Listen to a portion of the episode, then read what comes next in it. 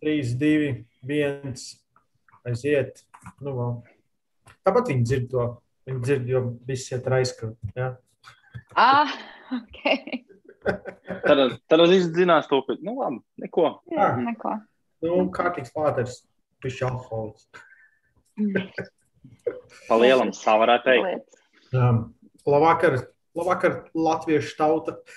Visi trīs cilvēki, kas mūs skatīsies on live streamā. Šovakar šeit no Dubajas, tur no Rīgas un tur no Salaspils. Pareizi, ja? Rīga, Ne? arī Rīga. Arī Nu. Rīga. Wow, wow. Ķekava, gandrīz ķekava. Wow, wow, wow, wow, wow. Ne? Ok. Sarunas no pumpētavas 28, jā. Un, eh, Neviens no mums kā parasti no pumpētavām. Šodien pie mums viese Ilona Cepliča. Ilona. Čau. Oh, un Oskars. Jā, nē, es kā parasti.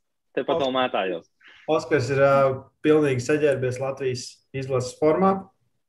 Es, es reāli tas ir tas, kas, ko es nožēloju. Es, nu, kā, labi, ir daudz lietas, ko es nožēloju, ka es neesmu Latvijā, bet es, jā, es tā gribētu hoķi. Viņu viņa atļautu apstāties, nu, tā kā cilvēki. Jā, es tas būtu. Oh, vai ne? Jā. Kā jums? Viena no lietām, viena no lietām ko tu noteikti nenožēlo, Kā lūk? Ok, skaties. vai- Skatos, skatos, skatos. Ka es tāds esmu superlielais fans, bet, nu, kad, protams, tās spēles noteikti viņas skatos. Un Un kā tu vērtē Latvijas sniegumu līdz šim? Ar Kanādu bija forši. Nākamā spēle, kas viņiem bija ar Kazahstānu, nu, tās piespēles bija briesmīgas. Vienkārši ne uz kurieni. Un, un, jā, ir tīpaši, ka viņiem bija bullīšos. Es tur vienkārši esmu tas, kas ar sirdi aiziešu. Es tas cilvēks, kas uh, visam jūt super ļoti līdzi. Un tad uh, līdz pēdējiem bija cerība, bet, nu, jā, varē, varēja būt labāk. Bet norakstīsim, ka viņi bija noguruši no iepriekšējās dienas. Jā. Man arī bija tā kā bullīša smēta. Man bija tā, ka es tikai domāju, ok, es esmu tur čuriks. Ok, tagad es uzvelku apavus, tagad es izdaru to. Nu, kā, ka- kas palīdzēs, lai mums nekas nepalīdzēja? Ja? Es, darīju, es izdarīju visu, no maniem vairāk neko nevar prasīt. Jā. Uh, Oskar, dod savu Es vērtību. zaudēju, es zaudējumu uzņemos uz sevi. Pret Kanādu, pret Kanādu dzēru užaus alu, pret uh, Kazahiem dzēru tērvi. Līdz ar Lebānu. Jā. Es nezinu, kas tas ir, bet es ceru, ka tas nav no kamieļa. Labāk. Okay. Um, Jā. tā. Ar ko mēs Mēs arī kaut ko par nopietnu, kaut ko mēs par nopietnāku runājam, vai nē, mēs turpinām to padāt muļķības runāt. Uh, tā, bišķiņi varbūt uh, iepazīstina ar sevi, Ilona, pastāst, kas tu tāds par zvēru, ko tu ēd un, un, un, un, un, un tam līdzīgas lietas. Un ne, ne, nevis to īso versiju. Tur mums rīktīgi garo. Dievs, es Jā, jau mums- runāju daudz un daudz. Jūs negribēsiet garo versiju. Man parasti viss Mums saka, ir ka daudz stunda jāizvēl. Jā, mums- Runā gari. O, ak, Dievs, ar ko lai sāk? Labi, es varētu sākt ar to, kur es esmu šobrīd un ko es šobrīd es, tā kā daru. Es esmu fitnesa trenere. Um, vēl ar vienu studēju. Studēju šodien, šobrīd Stradiņu universitātē, veselības sporta speciālistos.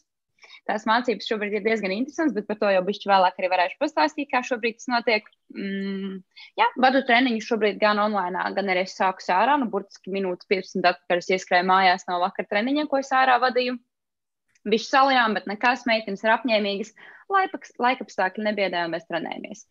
Un uh, pati ar sportu, kur es esmu šobrīd, es nodarbojos ar powerliftingu. Un uh, Oskars ir arī mans treneris. Uh, palīdz man gatavoties sacensībām, kuras divas jau nav notikušas Covid dēļ, kurām es gribēju sagatavoties un uh, lauzt savus rekordus, un uh, viņas nenotiek. Tīpaši novembrī, kas mums ir paredzēts, mēs arī trietā taisījām tos testus. Viņas tika atceltas ļoti īsi pirms sačiem tieši tā oficiāli tika atceltas, precīzāk pārceltas uz online decembrī, kur vairs, nu, vairs nebija jēga startēt. Vēl jā. Nu Jā, toreiz, tas- toreiz mēs taču uztaisījām. Es domāju, es sa- samontēšu to video un ielikšu kanālā. Jūs toreiz ieliku voice farmacing savā, es tur neieliku visu.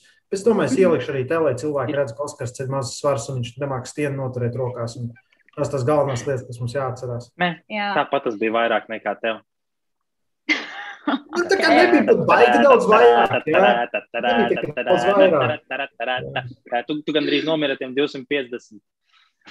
Nē, Jā, nē, nu, super viegli. Super viegli. Es domāju, To, to, to tu stāsti sev vakaros, lai vieglāk iemigt. Piedod, jā, paliek vispār tev, tev būtu vairāk jārunā. Man nē, mēs nē. aizvaramies. nē, čau. Nu, jā, un tad, uh, jā, trenējos powerliftingā. Arī šobrīd es varu to darīt. Nu, labi, Oskars zina, ka pēdējais mēnesis man nav tas labākais, man būtu kaut kur jāpaslēpjas pašai.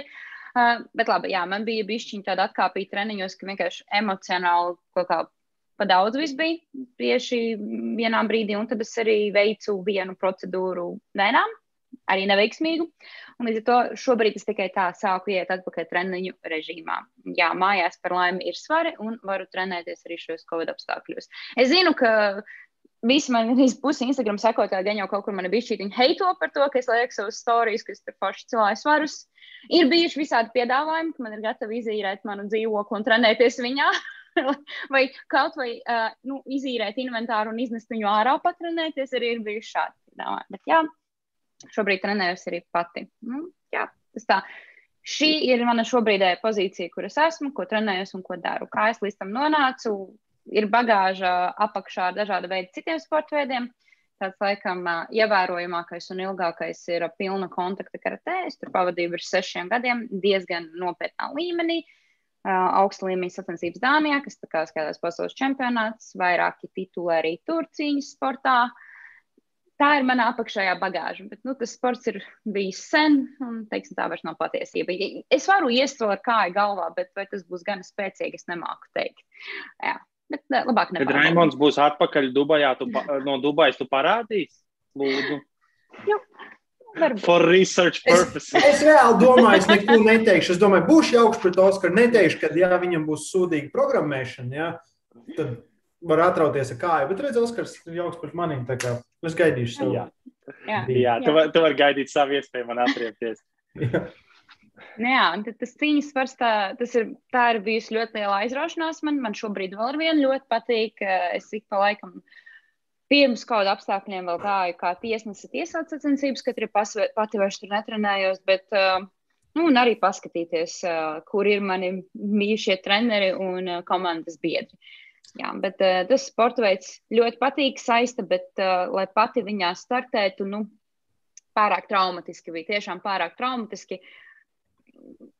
Palika par traku bija viņa sep, ka savu veselību čakarēt pavisam negribu, jo ir bijuši gadījumi, ka tu treniņā, treniņā dabūjam pa galvu.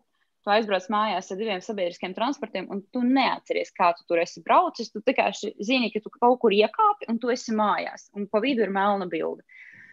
Tad tas bija tāds tā kā klikšķu posms. Sanāk, man laikam bija 19 gadi, kad es sapratu, ka mm, laikam ir jāmet šim sporta veidam miers. Ka man pietiks pagaidām. Paldies! Jā. Jā, tas tas trakais. Tas vienmēr. Jo, jo, tik, jo pē- pēdējās lietas, ko es lasu par galvas traumām, vispār, ka nav pat vajadzīgs tie sitieni pa galvu. Okay, man, ir- man, bet uh, pietiek ar to, ka, nu, vienalga, ja tu brauc pa zemes ceļu vai kraties traktorā, jā, Mm. tieši tas pats, jo smadzenes nedrīkst kustēties riņķī. Man ir labs stāsts vienkārši. Es uh, No. Kaut kādā svētdienā, laikam, es domāju, nu, man jānogriež mati, ir jau atauguši. Un man te pasaka, ka te ir salons, tur var iet iekšā. Viņi arī izmasē galvu pēc tam, un tur maksā, tur, es nezinu, vai nu, vai nu 10 eiro vai 15 eiro. Nu, kāpēc? kāpēc? Mm. -hmm. Es ieju iekšā, man tur tāds mazs indietis, man līdz šejienē ar tādu matiem. Viņš čuk, čuk, apsēžās, nekādi jautājumi, ko es gribu, kas viņš tāds šitien tur, tur, es teku, jā. Viņš man nogriež matus, un tad viņš sāk masēt, tipa tā. Un es tāds, nu, Jā. labi, ok. Un, protams, viņš sāk. Un es domāju, vai viņš tiešām zina, ka galvai nav muskuļu, jā, ka tu vari varēja. Jā, jā, jā. Šito Arī tas, bija, arī tas bija. Viss, bija. Viss, kas ir filmās, redzēts. Un, un Jā. es tāds sēžu, es domāju, nu, labi, viņš ir tik vāji, ka man viena alga, bet nu, nu, nu, tagad es tāds. Es tāds labi, neko. Viss, lai, lai, lai viņiem ir, lai viņi turpina sist cilvēks, te iesies prom. Okay. Jā, jā, jā. Bet tas ir griezums, kas tev tagad ir virs. Nu, ir jā. Jā, Nogriez labi. Ir ok. nekādu kā- vainu, bet es biju šokā. Es, tā, o, o, o. es aizsūtīju, aizsūtīju Anitē, viņa man saka, saglabā bildi un vienmēr rāda šito bildi. Tāds, okay. Nē, nogriezt ir labi, bet jā, nu, tas tās pasniegšanas stils interesants. interesants.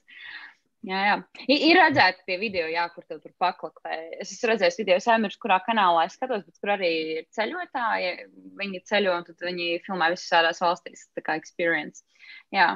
Bold and Bankrupt, laikam bija tāds kanāls. Laikam, Jā, jā, jā, bija. zinu, redzēts. jā. Viņā tu viņa laikam bija kādam arī griežas matus nost, tur kādam pie friziera vai kaut ko darījuši. Neatceros, laikam tajā kanālā. Jā, jā, jā, jā. jā. Jo viņiem liekas, ka tas, tas tā kā nav, bet, nu, tā kā, nu, parasti tu pat pa- pa muskuli neviens nesit. Tas ir kā tas lietas, ko tu redzi filmā. Jā. Vienīgais tas muskulis, pa kuru tu siti, tā ir Oskara galva, ja tu redzi Oskaru. Tu tikko teici, ka tur nav. Ne. Es teicu, es atriepšos. Tu teici, muskuļi un. Nu, labi, tikko pirms tam teici, ka tur nesot muskuļi. Tagad tu saki, ka ne. Mhm. Tieši tā. Tiec pat ar sevi skaidrībā. Tieši tā. Labi, es jau laikam. mums tālāk, jā, tu tur sāki stāstīt uh, par to, ka tu tur RSU mācies šobrīd, jā, tu veselības mm. -hmm. sporta speciālists, treneris. Uh, par jā. to, kā tu ej praksi pie manis, to tu nestāst labāk. Uh, bet Tas nav nevienam jāzina. Mēs mainām tēmatu par praksi un novirzamies no prakses. Bet mēs jau pastāst, kā, kā tu aizgāji līdz tai, tai, tai, tai treneru profesijai. Jo man liekas, atceros, ka tu kaut ko pa vidu mācījies, man liekas, fizioterapiju vai ne? Jā, LSP, jā. jā. jā. nu labi. Nu, tad iesim atpakaļ to garo stāstu. atpakaļ. Uh, es biju sācis studēt uh, Latvijas Sporta pedagoģijas akadēmijā par fizioterapeitu. Kā es vispār izlēmu studēt par fizioterapeitu, es zināju, ka es gribu kaut ko saistīt ar sportu un kustībām. Uh, bet tajā laikā gan man pašai, gan arī maniem vecākiem nelikās treneris kā nopietna profesija. Un uh, tuvākais, kas bija, tā bija fizioterapija. Tas nebija tas, ko es īsti gribēju, bet tas bija tā kā tuvāk un prestižāk, ja tā to varētu nosaukt, kā man to visi pasniedza. Un tā kā vecāki arī ir starp tiem cilvēkiem, kas maksā man studijas. Uh, nu, labi, es par to akadēmiju tur varbūt būtu bijis budžets, bet uh, treneros tieši uh, viņiem bija šī bija teikšana tajā, ko es varētu izvēlēties, kā saskaņot. Nu, studēju fizioterapiju, nomācījos pusotru gadu, tātad tie ir trīs semestri pabeigti. Man personīgi kā fizioterapijas programma kā tāda patika. Uh, bet, uh, diemžēl, sanāca tā, ka tieši tajā trešajā semestrī es saslimu ļoti smagi ar plaušu karsoni, kurš bija ievilkts. Sanāk tā, es slimoju jau vairāk kā nedēļu ar ļoti augstu temperatūru. Katru vakaru gāju ar temperatūru virs 39 gulēt, no rīta cēlos 38, izdzeru telefonu un eju strādāt uz darbu. Uh, Tad uh, es biju administratora vēl tobrīd sporta klubā. Un, uh, jo mums sporta klubā, diemžēl, tobrīd tieši bija aizgājuši no kolektīva cilvēki. Un, ja es nestrādātu, tad pārējie strādātu bez maz vai bez brīvdienām. Visi cilvēki strādā bez dienām. Es ceru, ka tu no šitā ieguvi mācību un ļaus citiem strādāt bez brīvdienām. Tev nevienam nav nekā svarīgāk par mūsu veselību. Lai visi iet. Mācības ieguva ļoti lielu. Un uh, sanāk tā, ka es tā strādāju vairākas dienas. Un sākumā es gāju gan uz mācībām, gan uz darbu šādu. Tad es sapratu, ka man ir grūti pavēlt mācības, un es gāju tikai uz darbu, jo man ļoti lūdzu, es to daru. Un, uh, tas viss beigās beidzās ar to, ka es kāpu pa kāpnēm uz otro stāvu, un man liekas, ka es skrienu maratonu. Es nevaru uzkāpt pa kāpnēm uz otro stāvu. Mani ar varu uh, aizvilka man tuvi cilvēki pie ārsta. Un kā man uztaisot rangenu plaušām, pateica, ja es būtu nostaigājis vienu vai vēl divas dienas, es gulētu slimnīcā pie sistēmām. Man pusi kreisās plaušu salvēle bija pilns ar šķidrumu. Viņa principā gan izvēle nefunkcionēja. Uh, man teica, ka jā, ļoti veiksmīgi, ka šodien atnācu, man uz, uzreiz uz antibiotikām un notika kārtēšanās process, protams, sēdēšana mājās. Un, uh, mācības tika izlaistas jau gandrīz divas nedēļas. Tad, kad es apkopos, uh, jau bija tas bija tieši senāk rudenī, ziema, kad bija sesijas laiks arī. Un, uh, man jau bija ievilkti, iegā, iekavēti priekšmeti, es sāku iet uz mācībām, un es saslimu vēlreiz. Es saslimu vēlreiz, un atkal smagi, un, uh, teiksim, tā no antibiotiku laika man bija laikam imunitāte, bija šī pavainot, bet tas viss beidzās ar to, ka es noslimoju, principā, gandrīz pusotru mēnesi nesot mācībās tā, tādā kā on and off līmenī. Un es nenokārtoju vienu priekšmetu, un uh, tā kā jūs mācīsieties sporta akadēmijā, kā jūs liekat, kā jums liekas, pie kuras pasniedzēja nenokārtoju? Nu, kā jums liekas, pie kuras sēdēju rindās visu dienu un netiku? Vai tad vēl ir pie kāda rindas parasti? Man jau tikai liekas, ka tas ir sātans Lāriņkungs. Tieši tā. Uh, man bija sporta medicīnā, mums katru nodarbību vajadzēja stāstīt referātu, viņam mutiski. Viņa bija pirmkārt iekavēta to, kuras esmu noslimusi, un otrkārt, tā, kad pat esi klātienē un pat tev ir izpildīti darbi, nevar visu paspēt vienā nodarbībā pat noprezentēt. Un uh, beigu beigās bija tā, ka es varēju sēdēt visu dienu, gaidīt pie viņa kabineta, un tā arī pie viņa netikt nokārtot. Un tā tas arī viss beidzās. Es uh, nepabeidzu viņa priekšmetu, un tas bija tieši tas gads, kad Sporta akadēmija pieņēma lēmumu, ka tu pat ar vienu priekšmetu netiec pārcelt uz nākamo kursu, tu nevari viņu nokārtot vēlāk. Un um, es tā kā paliku uz otru gadu. Ko tas man nozīmēja? Tas bija rudenis semestris. Sanāk, pavasarī es nemācos, un rudenī es atkal atsāku un eju tikai uz lāriņa priekšmetu. Respektīvi, es pazaudēju veselu gadu pa vidu. Uh, Un, uh, tas bija posms, kurā es arī biju paralēli, paralēli sākiet uh, C kategorijas kursus kā treneris.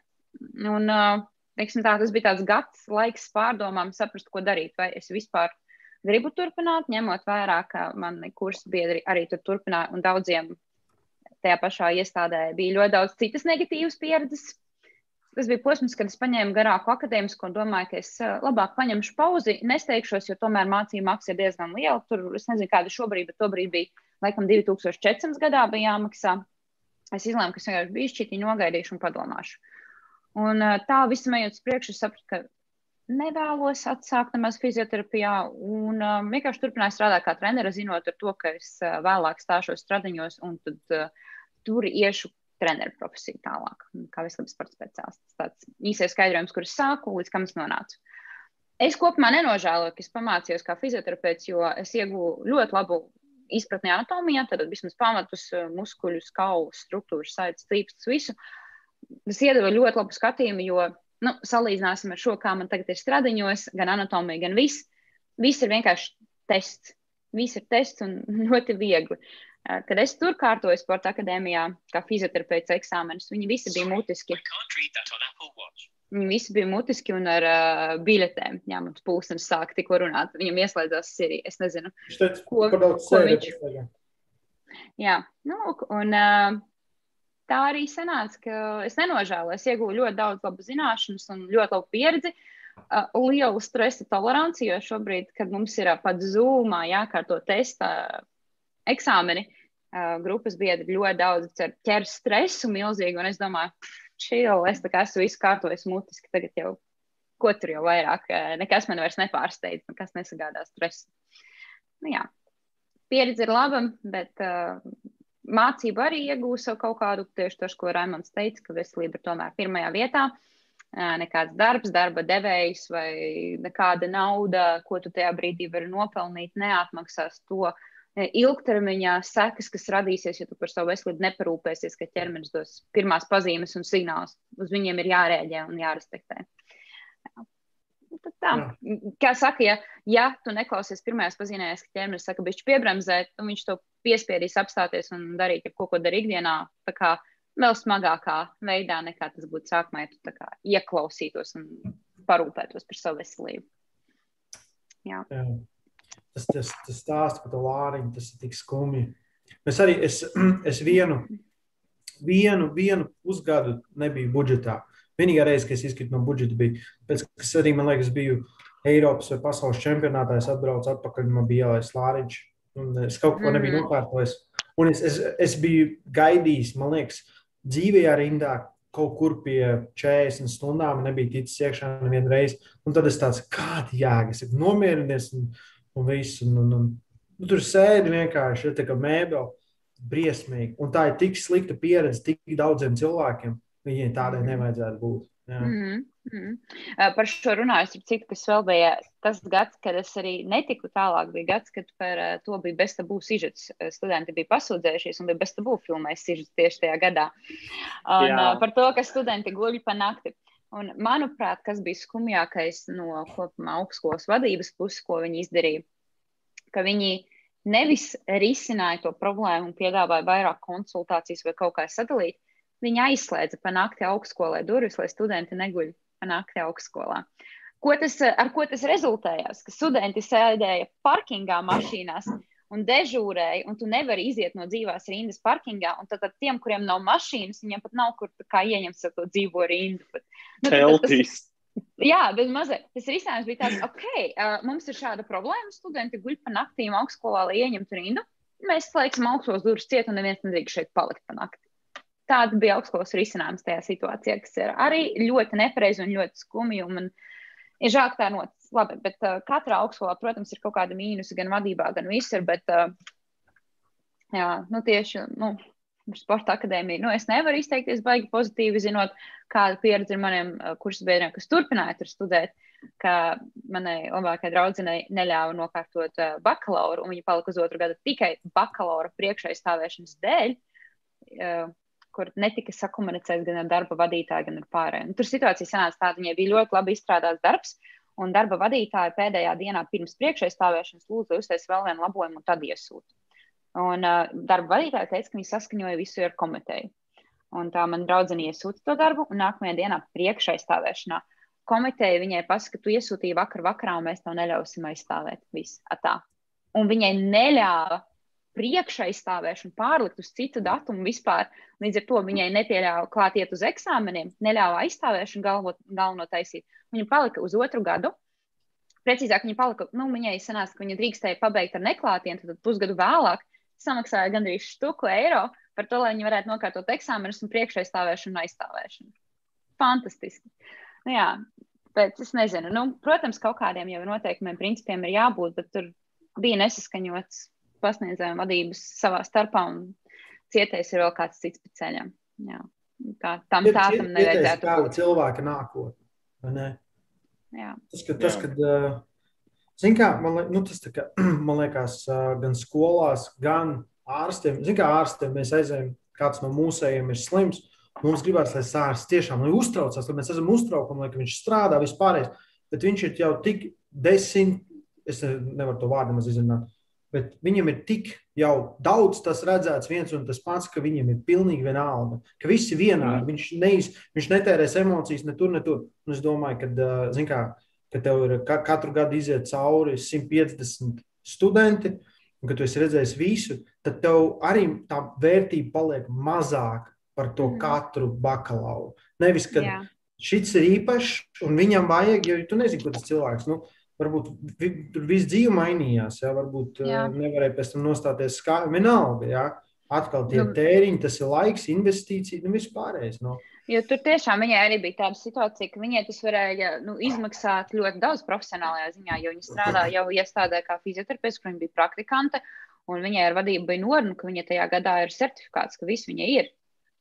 Un viņai neļāva pabeigt. Nu, protams, viņai ļoti novērtās, ka ir ļoti saprotoša vadība un ļāva vēl pabūt to vēl pusgadu ilgāk bez tā pabeigtā bakalaura. Bet, nu, ja būtu otrā galā kāds, kurš ar savu principu, viņš arī pateikt, tā, tu solīji, tu nepabeidzi ar tā. Nu, principā viņi paliek bez darba, bez lokācijas, kur viņi jau ir izveidojuši klientu bāzi. Tā, tas tiešām ir. Bet runājot par to, ko tu minēji, ka cilvēkiem paliek mazāk svarīgi, tīpaši ārstiem, tā diemžēl ir. Es esmu, nu, ne visiem, protams, bet nesen tieši ar to saskāros, to, ko es minēju, ka svēmu procedūru veicu. Un runāju vēlāk ar vienu citu personu, bet uh, jā, man tika diezgan neveiksmīgi veikta viena procedūra vēnām, skleroterapija. Un, uh, tur arī bija problēma, ka tā speciālista komunikācija bija nu, pilnībā nekāda. Interese pret mani bija nekāda, un man cilvēkam, kas neko no tā nesaprot, uh, nu, palika ļoti nepatīkami pēcgaršu bailes un vispārējais vienkārši kopā par tā medicīnu, kā tā varētu teikt. Jo tas cilvēkam, es saprotu, ka viņam tas liekas tik ļoti vienkārši procedūra, un man jautājumi varbūt liekas muļķīgi, bet tāpat laikā manas uzskats, ja tu esi speciālists, kas strādā ar veselību vai ārstu, viņam arī man kā trenerim, un es pieņemšu arī, ka jums tā jums atnāks klients, jums neliksies neviens viņa jautājums muļķīgs. Jūs nedomāsiet, ok, es visu zinu, un viņam arī ir jāzina. Jūs pati kaut kas, nu, stop, kā, Ilona, ja tev pajautā, stop, stop, stop, stop, klausies. Tā ir tā, zikā, tā ir tā lieta, kas notiek, man liekas, ar pilnīgi visām profesijām. Tas nav tā, ka tā. Cik daudz es esmu dzirdējis no vecākiem treneriem, viņš ir, oh, tev jauns un tu tik entuziastisks, un, un yeah. tas viss mainīsies. Un, nu. un, ir, un ir tā lieta, ka vienmēr būs cilvēki, kas notur to entuziastismu, ja viņi ilgāk mm. ir priecīgāki, viņi tiešām mm -hmm. tas, ko viņi. Ja? Bet liela daļa vienkārši viņi, tu tiešām, tu esi tik daudz reizes dzirdējis vienu un to pašu, ka tava reakcija vairs nav tāda pati. Ja tev liekas, mm -hmm. ka atkal, atkal izmet ārā, man liekas, tas ir visu. Tas nu, tā, pilnīgi visu, lai mēs skatāmies uz pilnīgi jebkuru profesiju, kuru nosauks. Sākumā cilvēki ir, o, oh, viss ir jauns, un jo ilgāk tu mm -hmm. Mhm. Jo vairāk tu to redzi, visi skolotāji, visi skolotāji, kas agrāk nu, tikko sāka, tikko pabeidza skolas, un viņi ar bērniem tur vispārējo. Mm -hmm. Tad, tad katru reizi tas viens un tas pats jautājums. Un tas viens un tas pats bērns krīt uz nerviem. Un tagad klasē ir jau septītais Jānis, ja, kas ir rītīgs.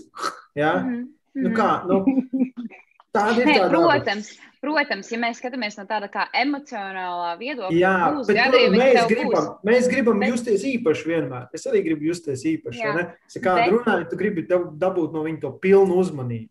Jā. Vai grūti Cik jā, ir? viens ir no emocionālā, otrs tev cilvēks vairs nejutīsies, piemēram, mēs kā treneri vairs nejutīšos tik entuziastiski par to pašu jautājumu, bet atkal otrs ir mana tā profesionālā puse, ka tu saproti un tu centies, tev varbūt nav jālēk kā apkārtam cilvēkam, nu tiešām, bet paskaidrot, piemēram, mēs atnākam uz to procedūru, un man pat nepasaka, ko darīs, kā būs, kā sāpēs, man ir jājautā, nu, es pat nezinu, kas notiks, un neviens nav izskaidrojis, kas notiks, un ar mani nerunā, vienkārši saka guli. Man ir bail, man tiešām ir bail, kas ar mani notiks, un teiksim tā, mans skatījums ir tajā, ka jā, tas, ko tu minēji, protams, nebūs tāds entuziasms, bet vismaz tāda cilvēcīgā saprašana par to, ka otrs nezina, kas ar viņu būs, ir tīpaši tā kaut kāda veselības skartā joma. Kaut vai, ja piemēram, tajā brīdī es biju vēlāk jau pie citas speciālista, un mēs izrunājām, kas tika izdarīts un tā. Tas viss bija ļoti viegli atrisināms ar komunikāciju. Man tikai trāpījis garām vēnai un ielaists līdzeklis blakus audos, kas radīja milzīgas sāpes un dedzināšanu tajā brīdī ārsts nevis ar mani runāja un komunicēja, bet pateica, ka tev ir vājas sāpes, liekas, tev ir vienkārši jācieš. Viss. Mm, Es gulēju raudādam procedūrā, kurai nav jābūt sāpīgai, kur tiek reklamēta, ka tā nav sāpīga. Man vēl ārsts pirms procedūras teica, ka nesāpēs. Nu, jā, un tad tā, vienkārši tas bija atrisināms ar vienkārši komunikāciju, mēģinot saprast, ka es nesaprotu, kas tajā brīdī notiek un kas ir izdarīts varbūt ne tā tajā brīdī. Jā, jā. nu, tas tāds. Tā ir. Jā. Mēs vienkārši pieķērāmies pie filozofiskas tēmas vairāk. Tā, bet, bet tā Mm. ir tā liela daļa no dzīves. Tā arī ir. Nu, tik daudz mēs to Jā, lai, lai cilvēki domā, ka mums ir emocijas un jūtas arī. Jā. Lai, lai, zin, lai domā, ka mēs baigi dziļās tēmas parasti aizskaram un, un esam ļoti gudri Jā, un stuff un tā. Jā, jā. tev, es skatos tagad viņa čatu, un uh, tur Sandrs jā, piekrīt par arī viens no tiem, kurš ir iz, izcīnījis līdz galam, ticis caur LSPA, piekrīt par, par, par, par uh, sporta medicīnu. Ne, interesanti, vai viņš arī bija tas, kurš gulēja, viens no tiem, kurš gulēja. Bet te, te tāds viens jautājums, um, un, un, un zinot arī, nu, pasakojot, tu tur bija sociālos tīklos vairāk, un, mm un, un, un uh, tu, tu, tu ej bieži ziemas peldēt. Un te jautājums par to spēku sportu un ziemas peldēšanu. Nu, Es nezinu, ko viņš tieši tā kā bija domājis, jo tā ir uzrakstīts jautājums. Spēka sports un ziemas peldēšana. Es varētu atbildēt, jā. Bet, nu, pastāst, kā, kā tu to sāki, varbūt, uh, un, un, un, un, un kāds tev varbūt ir iegūms no tā visa. Un, Jā, es varētu pasakīt tā, ka, ja mēs analizējam, man tā ziemas spēles nebija kaut kas kā super traks un kreizī. Tā ideja nelikās tik traka kreizī, jo es bērnībā diezgan ilgi kopā esmu ar tēti peldējis. Arī vēsākam laikam paliekot, es atceros, laikam mans vēlākais ir bijis kaut kādos gados desmit, es esmu peldējis novembrī ar tēti arī. Uh, kā, ja tu arī salīdzini bērnus lielākajā daļā gadījumu, viņiem nu, nav augsti tik ļoti ūdenī. Protams, es tur nepavadīju stundu, bet tas man likās tā normāli. Un no tāda augsta ūdens man nekad īsti nav bijis baigi bail, bet tieši tā aliņķa līdz nekad to neesmu darījis. Un, um, tas sanāk kaut kādi divi gadi atpakaļ. Jau iepriekš es biju sākus domāt par to došanos ziemas augstajās peldēs. Uh, un gads, kurā es izlēmu to darīt, uh, beigās sanāca, ka es aizbraucu diviem mēnešiem uz Taizemi. Un, protams, atbraucot no Taizemes uh, janvārī, es izlēmu, ka laikam nebūs labākais laiks no plus 35 pēkšņi vai ledus āliņģi līst. Negribēju riskēt ar tādu. Līdz ar to tajā gadā es jau no tā uh, ziemas posma sāku vienkārši iet augstākā dušā, ko es arī pa laikam darīju, jo pirms tam man patīk tā sajūta ar augstu ūdeni, tīpaši karstā vasarā. Un tā tam laikam ejot uz priekšu, es arī tajā pavasarī sāku iet peldēt jau sākot kaut kādā martā. Un tā pamazām. Nākamo ziemu es vēl bišķi atturēju. Ah, nē, es pat neaturēju. Es pat jau nākamajā ziemā sāku iet augstā peldē. Bet uh, es pie sevis vēl biju domājis, kā būs uh, ar uh, tām augstajām peldēm, ko es darīšu, ja aizsals ledus būs. Tajā ziemā tā arī nekad neaizsala pavisam ezers. Viņš vienmēr bija tāda plāna kartiņa, kur tā kā pabīdi malā un var ieiet. Un tad uh, šis bija mans tāds pirmais, pirmais gads, kad es tiešām ielīdu āliņģī. Es atceros to dienu, uh, kad pirmo reizi ielīdu āliņģī. Ārā bija mīnus 22 grādi no rīta. Es sākumā izgāju ārā mežā pastaigā. Un es ielīdu āliņģī, un ziniet, kas ir interesanti. Nu, tas, protams, ir loģiski.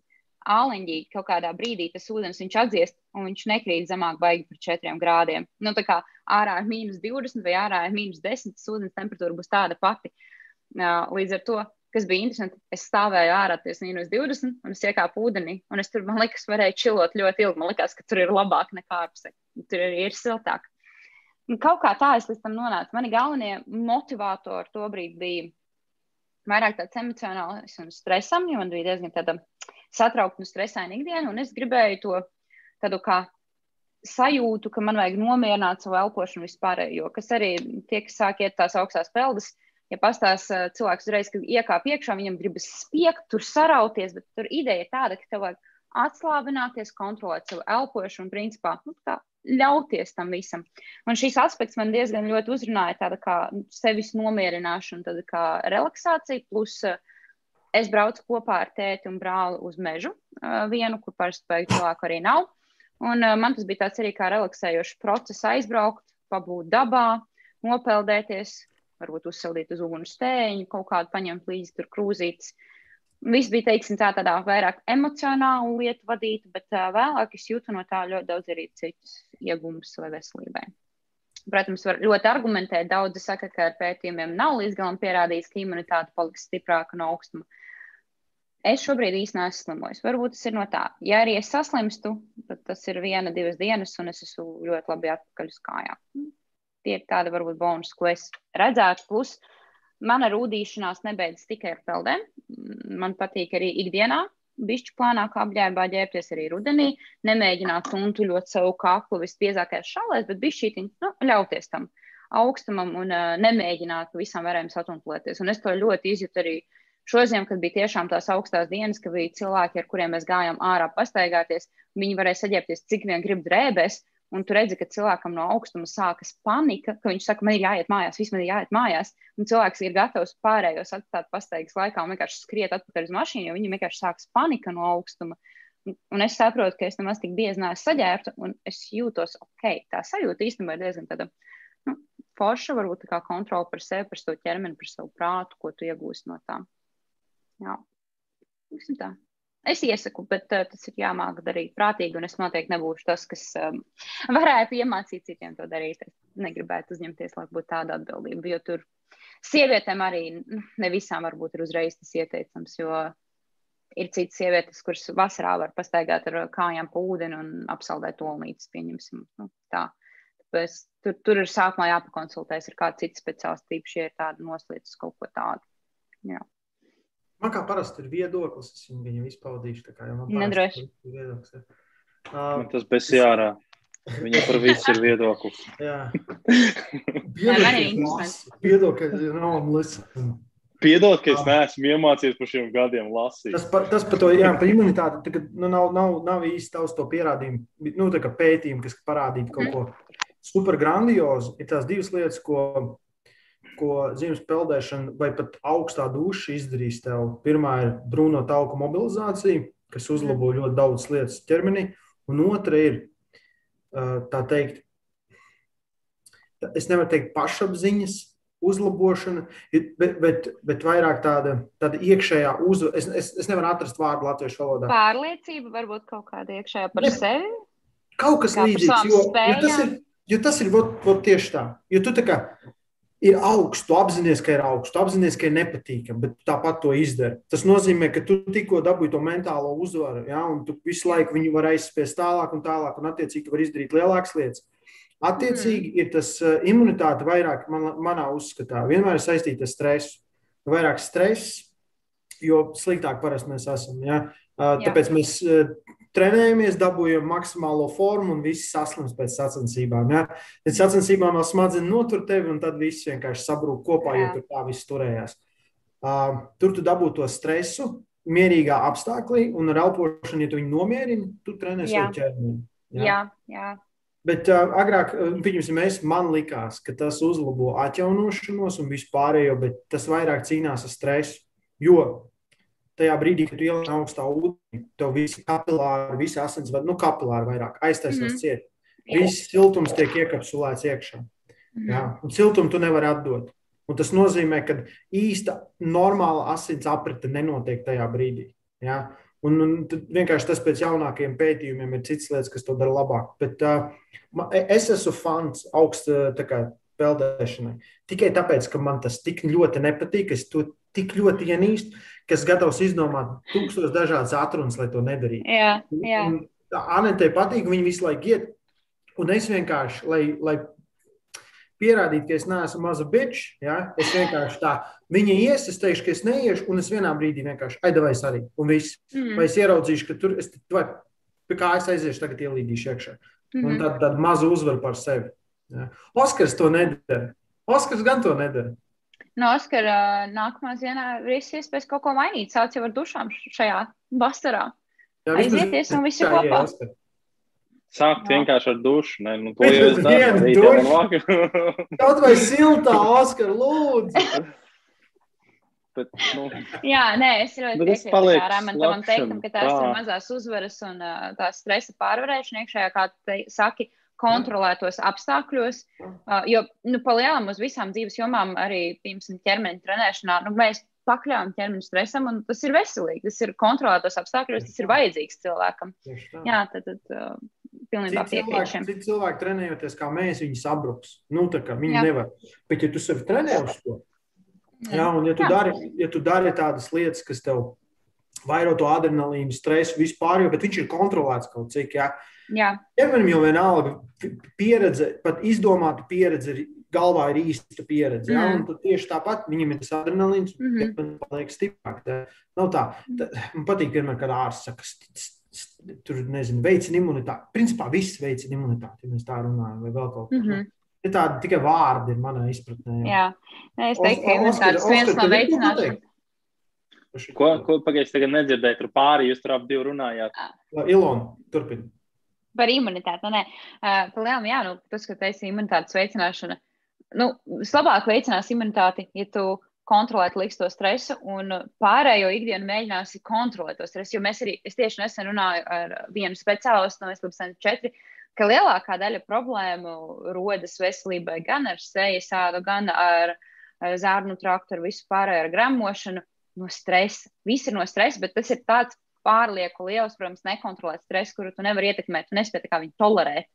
Un tad, jā, tas, ko saka peldēšana, vispārējais, tas ir kontrolēt stresu, ko tur pakāpeniski pielikt klāt, audzēt savu toleranci pret viņu un tā. Jā, jā. Oskar.